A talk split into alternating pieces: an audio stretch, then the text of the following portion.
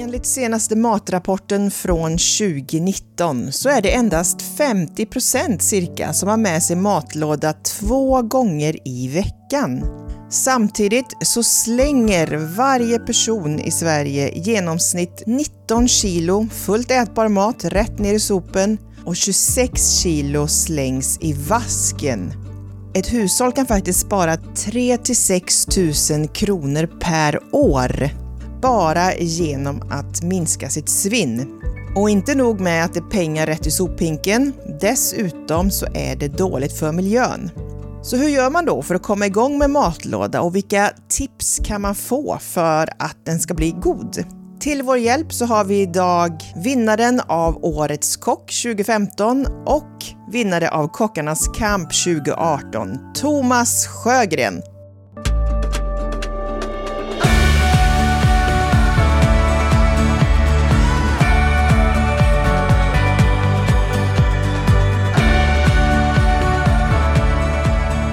Varmt välkommen till Shoppa Lagom-podden. Tack så jättemycket. Vi sitter, ja, du kan ju berätta själv vart vi sitter. Mm, vi sitter på eh, vår restaurang Grano som ligger på Vasagatan i Göteborg. Eh, där vi serverar pizza och smårätter med inspiration från hela världen. Mm, väldigt goda pizzor kan jag säga. Du, en liten uppvärmningsfråga innan vi drar igång här. Har du hört talas om 50-30-20-regeln? Eh, nej. Nej. Det innebär att det är, en, det är en fingervisning om hur du kan eh, disponera din eh, nettoinkomst. Mm. Det vill säga 50% ska gå till fasta avgifter som boende och mat och så vidare. Mm. 30% nöjen och 20% sparande. Hur ser okay. det ut för dig? Eh, väldigt olika, så är det väl. Alltså jag eh, har ju fördelen att driva eh, bolag och sådär. Ofta så brukar jag, mitt sparande brukar hamna eh, kvar i bolaget kan man säga. Så att jag plockar ut den lönen som jag behöver ha och då skulle jag säga att ungefär 50% av det jag plockar ut är eh, lön.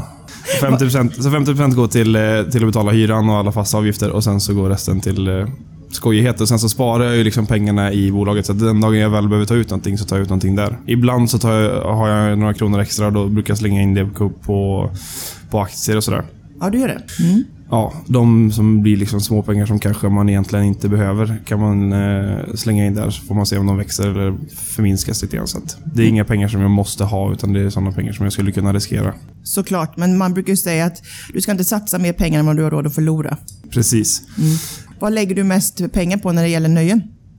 Eh, jag skulle säga att det är eh, nästan 99% eh, restaurangbesök. Sen så lägger jag även eh, en del pengar på liksom träning i form av kanske paddel och golf och lite sådana där grejer som kostar lite pengar. Mm, ja, det är ganska dyrt också va? Ja, men när det gäller att köpa liksom en t-shirt till en själv så är man ju väldigt liksom sparsam. Men sen så är det plötsligt när man ska köpa en, en eh, skjorta inför jakten så kan man lägga 2000 kronor på den. Så det är lite så här, ja. Det, det, blir liksom på något sätt dyrare i det. Jag vet inte varför. Det är Nej. jättekonstigt. Olika plånböcker på något vis. Ja. Men som sagt, vi vill ju inspirera människor att ha en balans i sin privatekonomi och eh, det är ju bland annat att minska svinn, kanske ha mer matlådor. Men hur resonerar ni kring eh, inköp på era restauranger? För du har ju några stycken. Mm, alltså, svinnet är ju pengar för oss. Det är ju liksom eh, superviktigt att kunna använda alla råvaror vi har. Mycket av sakerna som vi liksom blir över och så här kanske man kan torka och göra kryddor på. Vissa saker så gör vi liksom fonder och buljonger på. Om vi säger att vi skulle liksom stå och skala 15 eh, kilo havskräftor, då använder vi de skalen för att sätta buljong. Sen när vi skulle skala 1 kilo havskräftor, då kanske vi väljer att spara de skalen i frysen tills vi har skalat ihop kanske 15 kilo så man kan sätta det i en batch. Liksom. Eller liksom svamprester gör vi mycket buljonger på. Det är jättebra tips. Torkar ni dem i, i ugn eller låter ni dem vara i rumstemperatur? Ja, precis. Vi har ju en torkugn. Sen så kan vi, vi har ju så svamp, alltså en klassisk svamptork som man kan slänga ner egentligen vad som helst i. Som, som inte innehåller fett. Så kanske vi mixar det till ett pulver och smaksätter det i liksom ett bröd eller så har vi det på... Ja, man kan ju använda det till jättemycket. Mm. Alltså kött och sånt. Vi använder ju alla benen till att sätta fonder. Och liksom så här, och det, det blir liksom naturligt när man är krögare själv också att ja, man slänger inte sånt som kostar pengar för man vet hur kärvt det är på sista raden i slutet av månaden. Liksom, och hur ja. hårt man måste jobba för att hålla liksom, råvaruprocenten. Så att, kanske att det blir kantbitar på kött eller sådana grejer. Det kanske man gör en pasta på det dagen efter liksom, till personalen eller sådär. Så att eh, mycket äter vi upp själva också. Just det. Mm. Om man... Eh ska översätta det här till eh, privathushåll, vad kan du ge några tips utifrån restauranghushållet här? Ja, men alltså så här, man får väl kolla på hur många gäster man har, har den veckan och så får man väl liksom eh, planera på det sättet att man inte köper hem för mycket. Eller så kan man ju också göra så att man köper hem för mycket medvetet och, och liksom lagar mat för att frysa. Det finns ju väldigt mycket mat som man lagar som är väldigt lätt att frysa liksom och funkar väldigt bra. Så det gäller väl att planera där också på samma sätt och liksom verkligen inte slänga grejerna utan hemma brukar jag försöka göra liksom om jag har eh, massa olika grönsaker över så kanske jag gör en soppa på det. Liksom. Eller eh, i smoothien brukar jag använda mycket grejer. Liksom. Jag har lite broccolislattar, eh, lite äppelmust, ingefärsbit och sådär. Då slänger jag ner allting i, i en mixer och mixar det. Liksom. Ah. Så får man en liten hälsosam smoothie också. Ja, det är ju toppen. toppen. Så att mycket, ja, man försöker använda allting i... Där kan man ju verkligen experimentera. Liksom. Sen Mm. kanske det inte alltid blir det bästa, men det går ju i alla fall att äta. Liksom. ja. Det är bra för miljön och bra för plånboken. Precis. Om du skulle ge tips på en eh, veckomatsedel då, som är lämpad för att ta med sig i matlåda. Alltså det som jag tycker kanske lämpar sig bra i matlådor är så här gratänger och att man gör liksom form, former med grejer. Liksom. De brukar oftast... En lasagne är ju alltid bra att värma upp. Jag tycker nästan att en lasagne blir bättre dagen efter. Eh, och Den kan man ju lätt göra vegetarisk. Säg att man skulle ha lite lökbitar och kål och kanske någon aubergine. Och, alltså att man har de här grejerna hemma och sen så bara egentligen vänder man upp det med lite krossade tomater och så gör man det som en lasagne. Liksom. Det är ju superenkelt. Så lasagne är ju riktigt så här kompostmat egentligen. Eh, bara ta de bitarna man gott. har. Ja. Sen är ju självklart alltså grytor också jättebra att värma upp i liksom... Eh, eh, om man gör kanske en, en grönsakssoppa som man tillsätter lite kött i eller eh, sådär. Brukar också vara liksom bra. Om man ska planera så kan man väl ändå liksom planera att man gör no, alltså man behöver inte bara göra rätter som ska vara anpassade i, i matlådan. Liksom, utan man kan göra kanske två rätter i veckan som tänkt att man ska äta direkt och sen så kanske man kan använda resterna från det till att skapa en matlåda sen. Liksom. Om man har stekt eh, lite fläskkarré och sen så blir det en bit över kanske man kan använda den i, i liksom en soppa till längre fram. Att man liksom använder dem om och om igen. Ja, just det. Du, hur länge håller sig mat i kylen om man lagar en rätt då? Det blir helt och hållet beroende på vad det är för typ av råvara. Hur varmt det är i kylen, så man ska försöka hålla grejerna så kallt som möjligt. Alltså ett, ett kött som man köper och, och tillagar. Om man tillagar det som en gryta eller ett långkok, att man verkligen kokar det mört. Då håller ju det i liksom några veckor om det inte får för mycket syra. Några veckor? Ja, Oj. alltså nu, två veckor kanske. Ja. Det gäller ju att man liksom... dels att inte maten kommer i kontakt med syre. Att man kanske skulle kunna vakuumförpacka dem. Att Man liksom tar bort den syrekontakten gör ju att eh, det håller längre. Eh, men däremot om man skulle steka liksom en oxfilé medium och sen stoppa in i kylen. Det är ju lite kortare hållbarhet på det. Jag skulle säga att det håller absolut längre än vad man tror. Men det gäller ju att man smakar på det. Eh, eller om vi säger att en köttfärs är lite sur. Alltså sådär, när den är tillagad. Så är ju liksom inte det någonting som egentligen är farligt. Om man får en den här lite, alltså typ isterbandskänslan på den. Isterband är ju syrade, syrat kött liksom. Så att det är ju inte det att det är farligt. Nej. Utan det går ju fortfarande att äta och menar, om man har några köttbullar som smakar lite isterband så är det bara gott.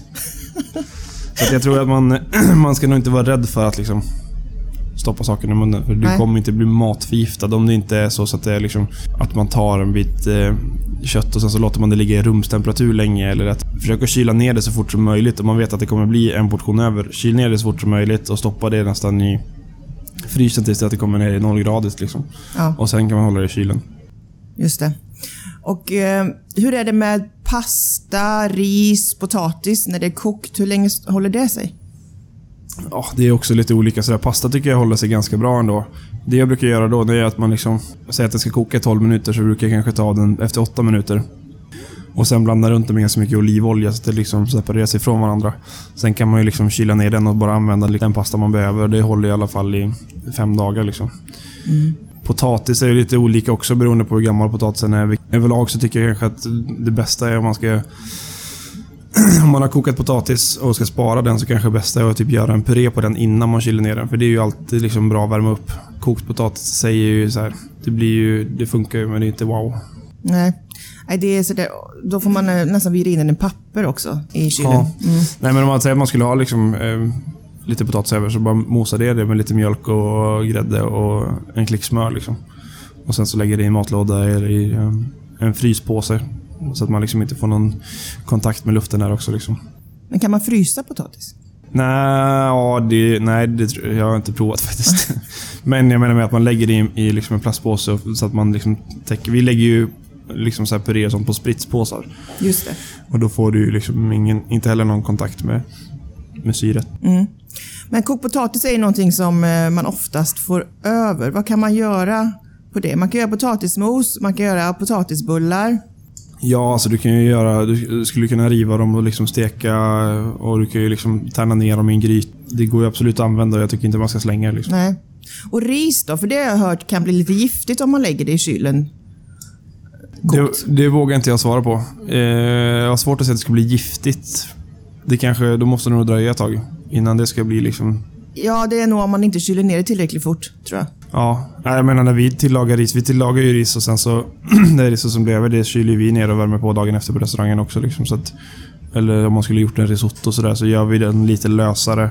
Kyler ner den och sen värmer vi på den så att den liksom är... När vi värmer på den så tjocknar den lite grann. Mm. Men om eh, hemma till exempel så kanske de flesta använder jasminris eller basmatiris. Mm. Kan man göra någon annan rätt av det sen dagen efter? Ja, alltså om man kollar på liksom Asien så de använder ju sitt ris dagen efter till frukost liksom, genom att göra så här fried rice. Och det tycker jag är sjukt gott. Steka upp riset med liksom ägg och lite chili och kanske ja, lite kyckling eller grönsaker bara. Liksom sådär.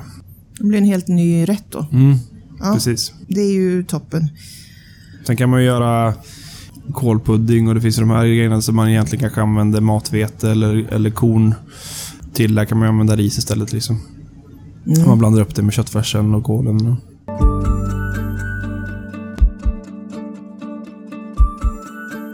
Matbullans dag är ju 23 mars och det är ju lite av Shoppa Lagoms favoritdag. Har du några tips på hur man ska komma igång med det här matlådetänket? Ja, men alltså jag tycker att man ska, om man känner att man har liksom för lite tid och sådär, så tycker jag att man ska gå in och försöka laga många matlådor under ja, men de gångerna som man verkligen har tid. Att man kanske gör eh, gulascher och grytor och liksom en köttsoppa. Så lägger man det i antingen fryspåsar eller såna här zipbags och liksom tar bort luften och fryser det så att man kan plocka fram matlådorna den veckan som man kanske inte har tid.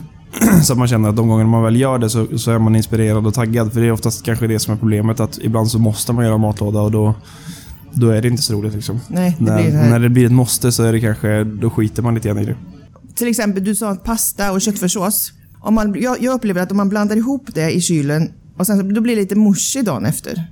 Alltså det man kan tänka på är att mat som man kyler ner eh, och ska värma upp igen, den kommer eh, nästan alltid att bli tjockare än vad den var när den var innan. Så att om man skulle göra det så kanske man skulle tillsätta liksom att man gör en väldigt lös köttfärssås. Ah.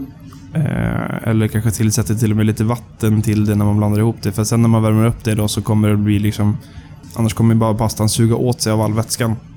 Och så blir pastan överkokt och köttfärsen blir liksom för torr. Så att eh, egentligen är det kanske det bästa att, att hålla dem separerade. Eh, och värma på dem var för sig. Men tänk på det att man kanske har lite mer vätska när man ska värma upp någonting igen.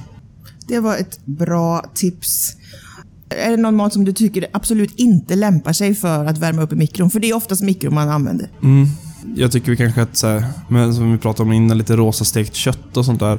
Det tycker jag inte är speciellt gott att värma upp. Utan då får det vara liksom kött som är tillagat under en längre, eh, längre tid. Liksom, som har sugit åt sig av, av liksom vätskan och sådär. Det tycker jag funkar mycket bättre. Sen så även så här, fisk och sånt som är stekt så blir ju det automatiskt lite torrare. Sen så om man har då fisk över tycker jag det är bättre att liksom tillsätta det i en fiskgratäng eller en, eh, en lasagne med lite lax och torsk i. Eller eh, att man liksom använder de råvarorna för att ja, krydda till en matlåderätt. Liksom. Mm.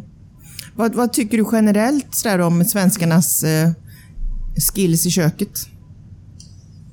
Det är väldigt, eh, jag tycker överlag att det är väldigt bra. Det finns ju, det är väldigt många som är intresserade. Det är ju klart att det finns en klick som är helt ointresserad också. Men det, många skulle jag ändå säga är duktiga. Jag har haft ganska mycket matlagningskurser med vanliga Svenssons då, som inte jobbar med restaurang utan som liksom har vanliga jobb och så här. De flesta har ju en bra kunskap i köket och är intresserade och tycker att det är roligt att liksom att man blir bättre på det också. Man märker ju ganska markant skillnad på när man inte kan hacka en lök och sen så när man har gjort det några gånger, när man liksom kommer in i det och då blir det ju såklart en, en eh, nytändning för många. Liksom. Och många är väldigt stolta över att man är duktig på att laga mat också. Och det är väldigt roligt. Ja. Bara ett par sista frågor här nu. Vad är det du inte kan leva utan i köket?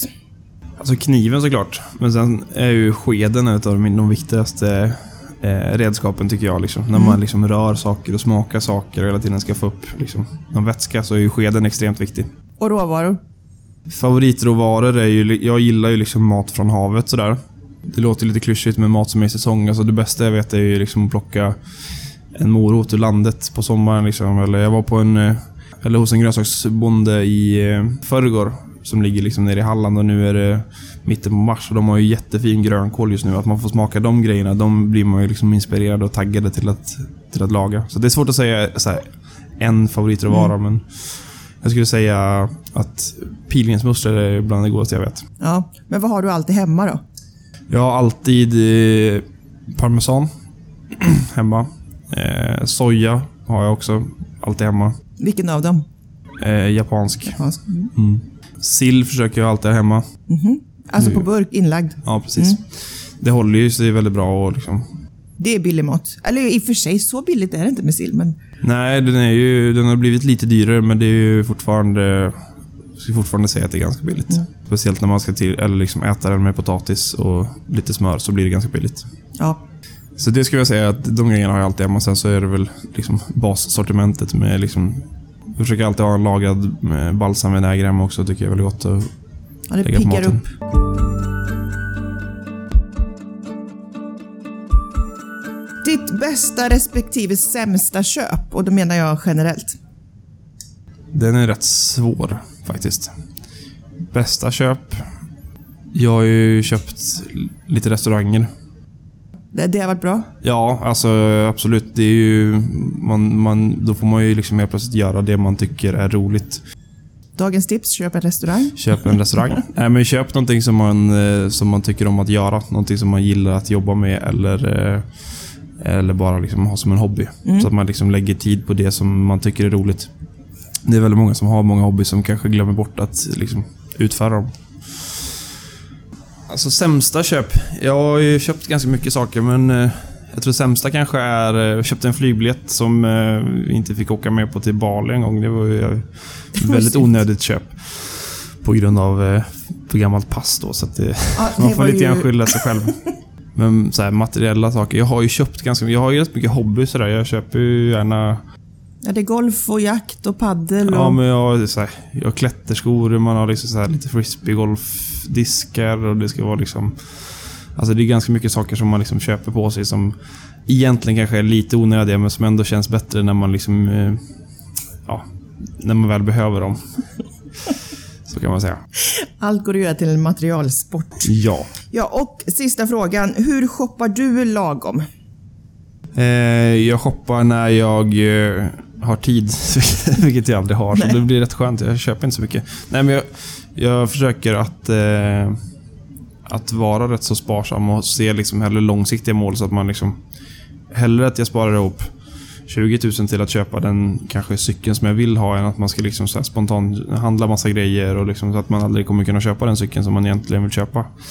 Ehm, Så planera dina inköp. Ja, och att man då kanske lägger mer pengar på de grejerna som man... Så här, att man tänker till. Ja, men om jag köper en cykel för 20 000, hur länge kan jag ha den? Istället för att man kanske köper tre stycken cyklar under samma period som kostar 10 000. För det blir dels mer kostsamt och sämre för miljön. Liksom. Så att vi försöker satsa på att köpa saker som är kvalitativa, som håller länge. Liksom. Att de kanske blir en större del, men, men håller mycket längre. Med de orden så stort tack till dig Thomas för att du ville vara med. Tack själv. Och eh, tack för att ni lyssnade och kom ihåg, shoppa lagom. För fler tips, råd och verktyg om hur du hittar ditt lagom, besök shoppalagom.se. Shoppa lagom är ett initiativ av Alectum Group.